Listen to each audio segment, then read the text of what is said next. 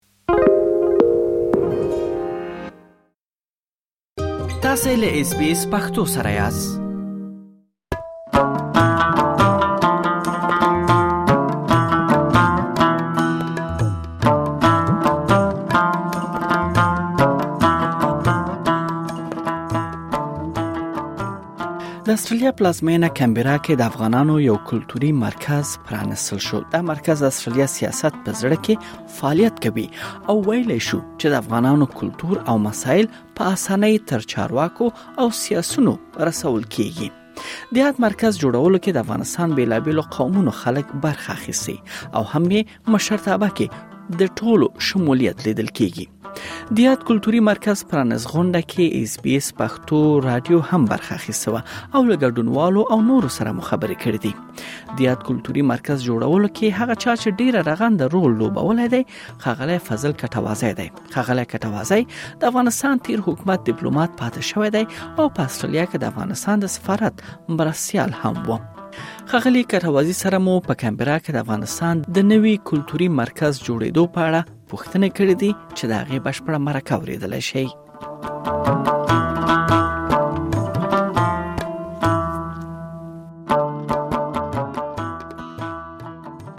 ډیره زیاته مننه خغلای کټوازه صاحب تاسو دلته لمنګ سره خبرې کوي حضور لري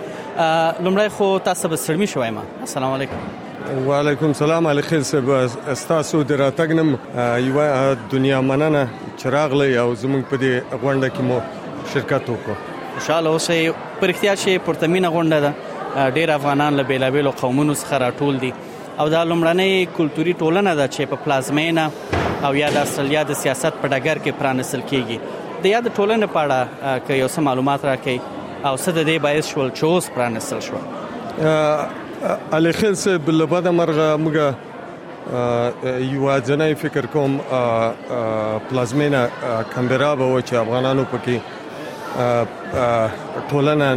نه درلوده او لډیر مودې راځي د دې د کمبود احساس کېدو خلنې کمرغه مونږه تقریبا یو درې میاشتې وړاندې یو څو ځوانان سره راټول سو او مونږ ویل چې راځي چې هغه مشترکات هغه ګډ مشترکات چې مونږه د بیلا بیل قومونه سره لرو په همغه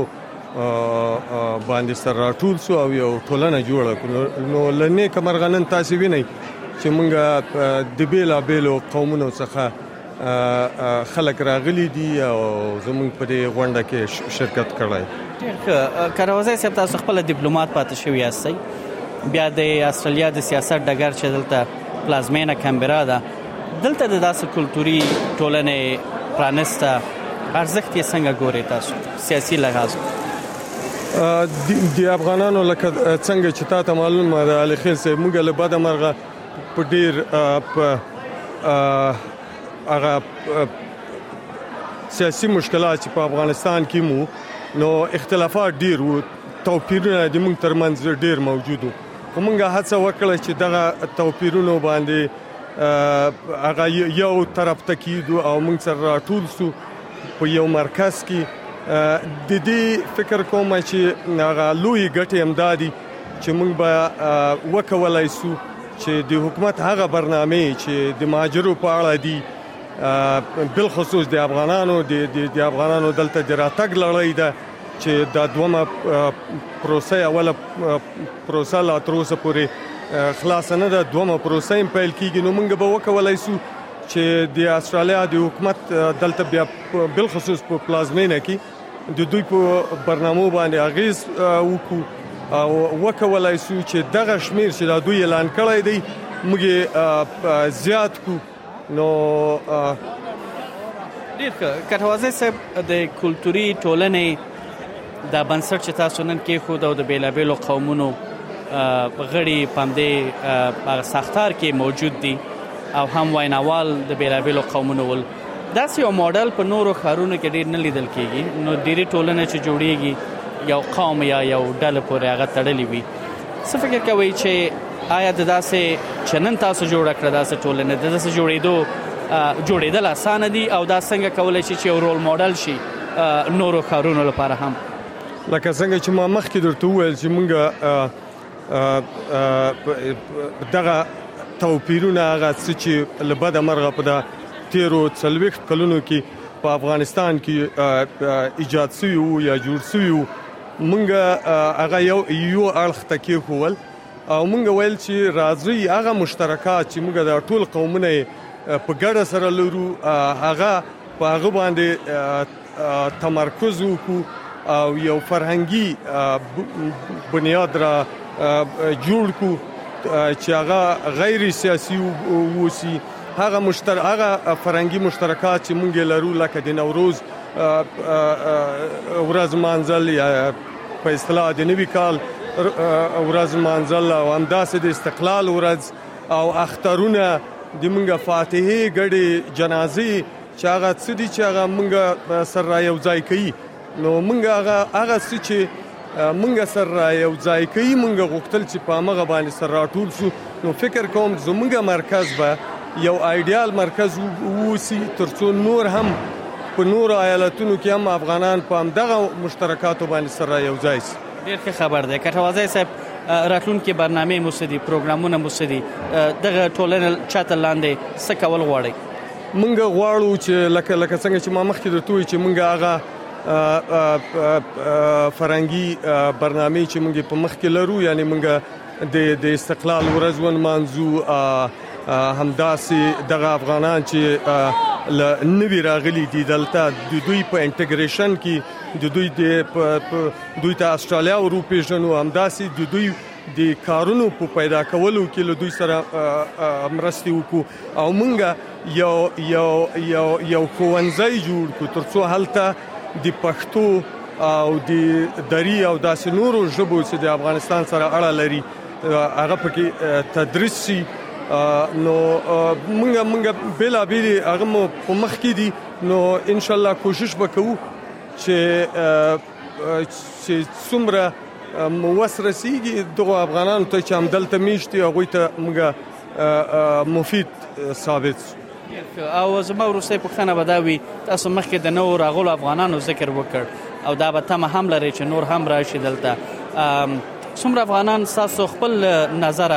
په کمبرا کې په دې وروستیو کې راغلي وي ځکه چې شاوخوا وزره تزره افغانان ته ویزه ورکړ شوې ده چې استرالیا ته راشي آیا کوم ډیره برخه کمبرا کې هم مې شوې ده او هغوی لپاره به هم تاسو لکه څنګه چې تاسو د میشتیدنې د برنامه ذکر وکړ نو دا سه فرهنګي چتر باغوي لپاره هم څومره مفیده تمام شي بله یو یو لوی احساس یو لوی تشه چې پورستوي کې د تیرو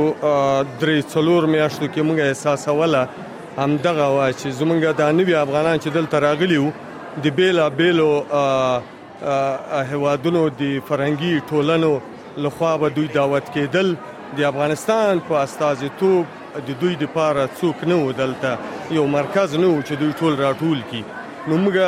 هڅه مو همدا ده چې دغه افغانان په یو مرکز راټول کو ترڅو د دوی هغه مشکلات هغه ننګونې چې دوی به ورسره دلته مخکې کیږي مخکېږي په دې خاطر چې حتمان په ارڅوک چې نوی راځي او نوی ټولنې ته هغه بیلا بیل مشکلات لري او بیلا بیل له بیلا بیلو ننګونو سره مخ مخ کیږي نو موږ به کوشش کوو چې هغه ته رسیدګي وکړو لا بریالیتوب تاسو غواړم او پرختیا هم چې ډیره پرتمینه غونډه او خټولنه ډیره زیاته مننه علي خیل صاحب یو ځل بیا ستاسو له راتګ او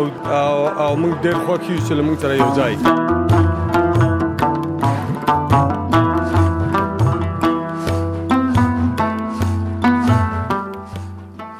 نیلاب سانکزی څو میاشتې وړاندې له افغانستان څخه استرالیا ته راغله ده هغه له اس بي اس پښتو سره په خبرو کې ویل د داسې کلتوري ټولنې جوړېدل اصل کې نوموړي غونډه کسانو ته چې استرالیا ته نوی راغلي ډیره معنا لري او دوی یې چاته لاندې د یوازیتوب احساس نه کوي اغله نیلاب سانګزی سره لدې چې استرالیا ته نه ورغلې ولې د همدې نوي کلتوري مرکز برخه ده او په هغه کې غړیتوب لري د اغله نیلاب سانګزی خبره واوري که لومړي قدم کې خپل ځان راته معرفي کړئ بسم الله الرحمن الرحیم زما نوم سیدی نیلاب سانګزی یم نن یو محفل کې مونږ حضور لرو چیرې چې د افغانانو یو کلتوري ټولنه پرانستل شو تاسو یو لانه انصارانو نه هم وای په سټیج باندې په پښتو باندې انصاری کوله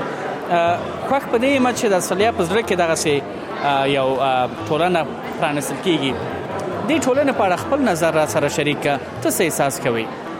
زه خو ډیره خوشحاله یم باور وکړئ یعنی کله چې موږ استرالیا ته راغلو نو موږ ډیر کم وخت کیږي چې راغلي یاستو نو زه چې دلته راغلم ماته یو کس زنګ وهو فاضل صاحب ماته چې داسې موږ یو کمیونټي جوړو زه ملبورن کې ولمه نو ماته چې دین خو ښه خبره نشته نو ماته چې په دا لاس کالو کې داسې یو کمیونټي نه ولا چې موږ افغانان پکې راټول سو نو ماته دا ډیر ښه اقدام دی کله چې زه کانبرا ته راغلم نو زه جلسې ته لاړم نو په دې جلسه کې موږ د 12 غړي موږ ځان ته وټاکل سي د هر قوم نه دی چې د کې د پښتون قوم دی ازبک دی تاجک دی او هزاره دی نو خوشبختانه د پښتنو استادیتوب ز خپل کوم او فضل صاحب دی فضل کټوازی دی او همچنان سیا صاحب آزاد دی او زه باور کې یعنی دومره خوشاله یم چې خپل کالي کې نه جایګم واقعا د خوشاله ځای په دې دی چې تاسو ډیر وخت نګیږي چې استرالیا ته راغلی یاستئ نو چې دلته راځي د هر څه لګزره د کمښت احساس کوي تاسو میشتیدنه هم روانه ده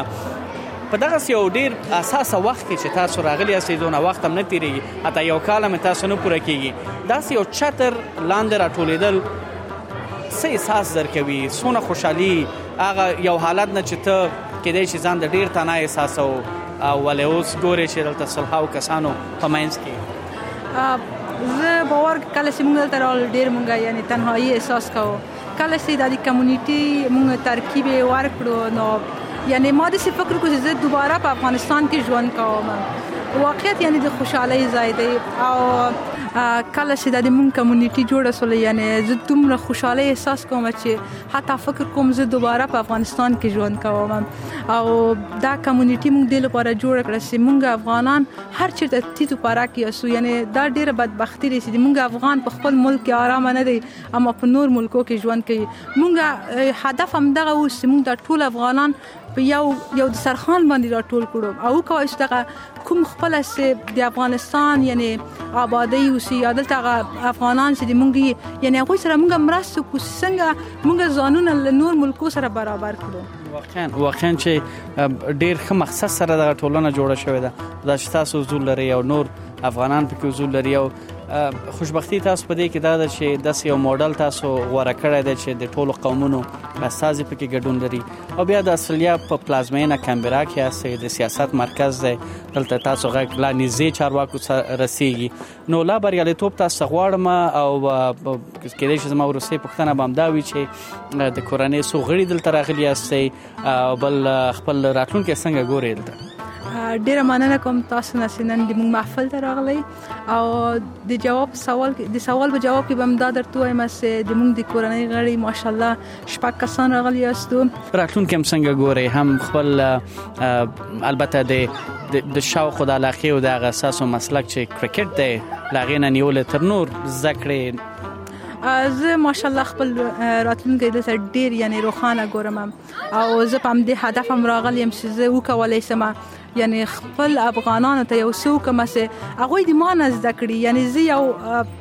یعنی یو نماد وسم دلته یو سمبول په شکل باندې شم چې هغه مان از دکړي او ان شاء الله زه به خپل از دکړي کوم دلته یعنی دا د ملک موږ راغلی یا سوسی یعنی پرمختګ انسان کې دا نه چې پرمختګ نه کې پاس شاه برته یعنی موږ پرمختګ دلته ډیر ښه کوي شو ډیر زیات خشوان خراتون کې تاسو غواړم تاسو حضور په استرالیا کې چې دا دویم کور دی او د زرهاو افغانانو کور دی په تاسو باندې ویاړو تاسو حضور باندې ویاړو او راتلونکي کې به هم له تاسو سره پاړې کې اوسو ډیره مننه کوم تاسو نه سیدل دراغلی او موږ سره مصاحبه وکړه او د ټول افغانان نه مننه کوم چې نن د موږ دغه ټولنه سکره پرانستل کېدل او دوی راغلل پکې له دوی نه د زړه لتل نه مننه کوم ما فخر مننه خیر اوسې.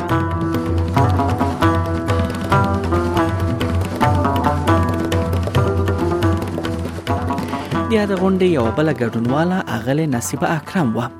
اغل اکرم له افغان ټولنې سره له لسیزو راهیسې له نږدې کار کړی دی او کار کوي نوموړې یادې غونډې ته له سیدني ښار څخه پلازمینه کمبرا ته سفر کړی و اغلی اس بي سره په خبرو کې وویل د افغانانو کلتوري ټولنه په پلازمینه کې پرانسل ځانګړی ارزښت لري او تر ټولو مهمه ده چې دا ټولنه باید دوامدار پاتې شي ډیره زیاته مننه غل اکرم چې بیا هم لمونږ سره خبرې کوي نن ل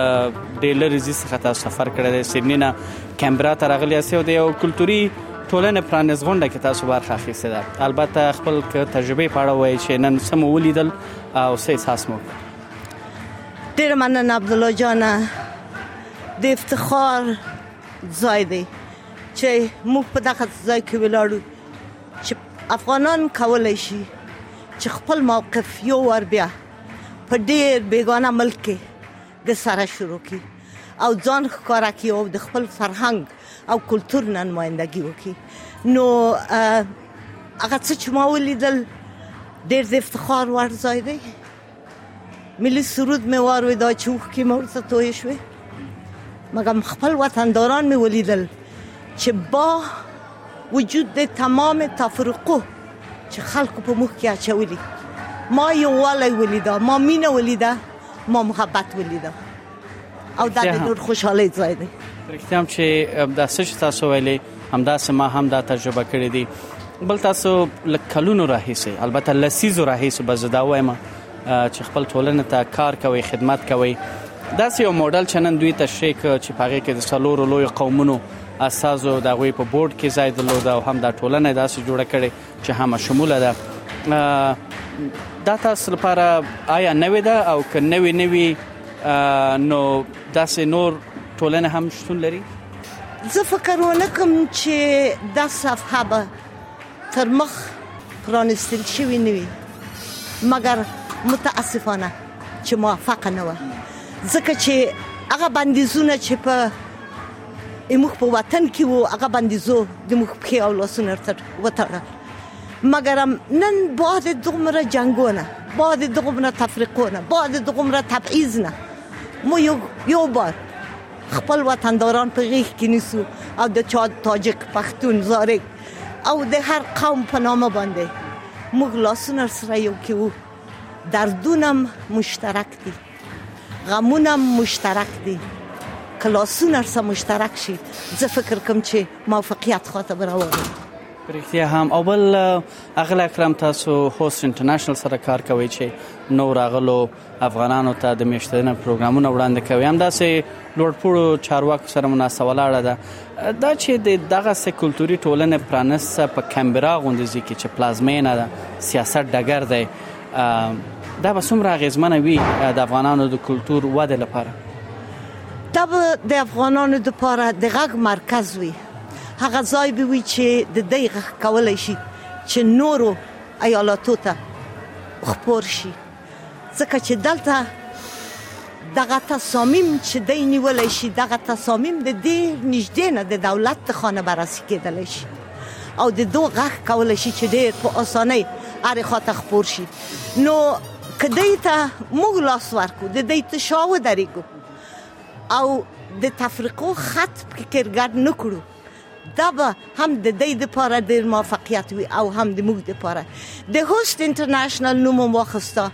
موږ نن د هوست په نمائندګۍ هم دلته ولاړ یو چې ورته وی چې وطندارانو چې تاسو په دغه اگست نه را په دې خو دغه مملکت ته ته داخل شوی یی هوست په تمام معنا د تاسو په خدمت کې دی چې تاسو ته وکړی شي چې هغه مربیان درکو چې تاسو دوباره ورکه لار پیدا کړئ رښتیا هم چې سر خدمت دی